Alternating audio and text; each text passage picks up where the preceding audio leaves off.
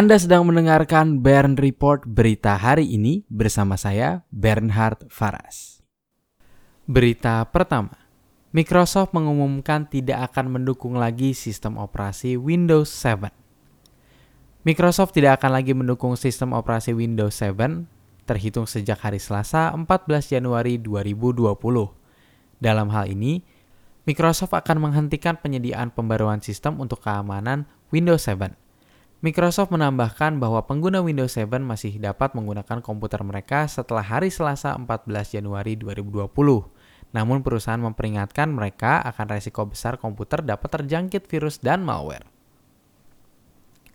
Microsoft mendorong pengguna untuk memperbarui sistem operasi perangkat mereka ke Windows 10 dengan harga 139 dolar Amerika Serikat atau membeli perangkat baru yang menggunakan Windows 10. Sebelumnya, Microsoft pernah menawarkan pembaruan gratis dari Windows 7 ke Windows 10 saat perusahaan tersebut meluncurkan Windows 10 4 tahun yang lalu. Berita kedua, Realme 5e rilis di Indonesia pada hari ini 15 Januari 2019. Pada hari ini, Rabu 15 Januari 2019, Realme 5e akan dirilis di Indonesia. Ponsel pintar itu akan menjalankan sistem operasi Android 9 Pie dengan sistem operasi Color OS 601 dan layar HD Plus berukuran 6.52 inci.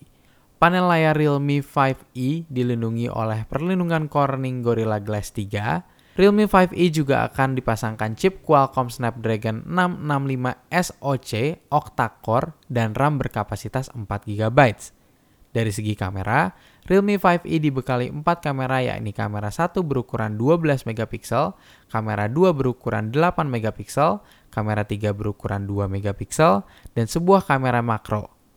Ponsel ini juga dibekali kamera depan berukuran 8 megapiksel. Untuk memori, Realme 5e dibekali dengan penyimpanan internal sebesar 64 GB yang bisa diperluas dengan kartu memori micro SD. Selain itu, Realme 5e juga dibekali baterai sebesar 5000 mAh.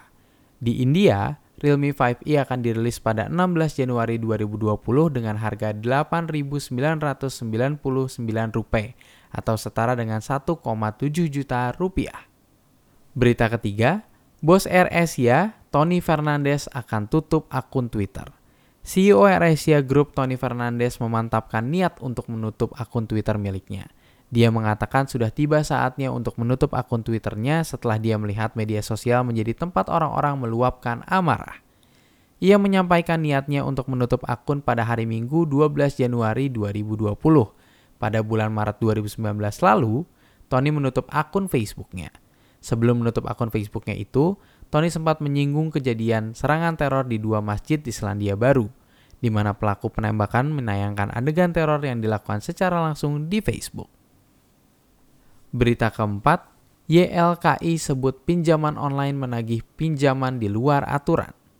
Yayasan Lembaga Konsumen Indonesia atau biasa disebut YLKI mendapat banyak pengaduan masalah dalam bisnis pinjol atau pinjaman online dalam negeri. Masalah paling utama yang mereka temukan terkait tata cara penagihan pinjaman ke nasabah yang menurut mereka banyak tak sesuai dengan aturan.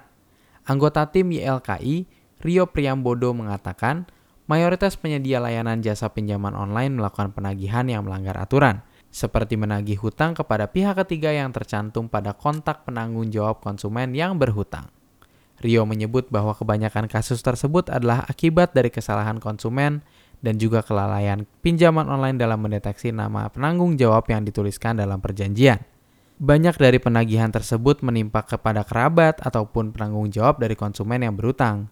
Rio memaparkan bahwa letak permasalahan ini terdapat pada tingkat literasi konsumen yang masih rendah dalam membaca ketentuan pinjaman online. Terima kasih sudah mendengarkan Bern Report berita hari ini.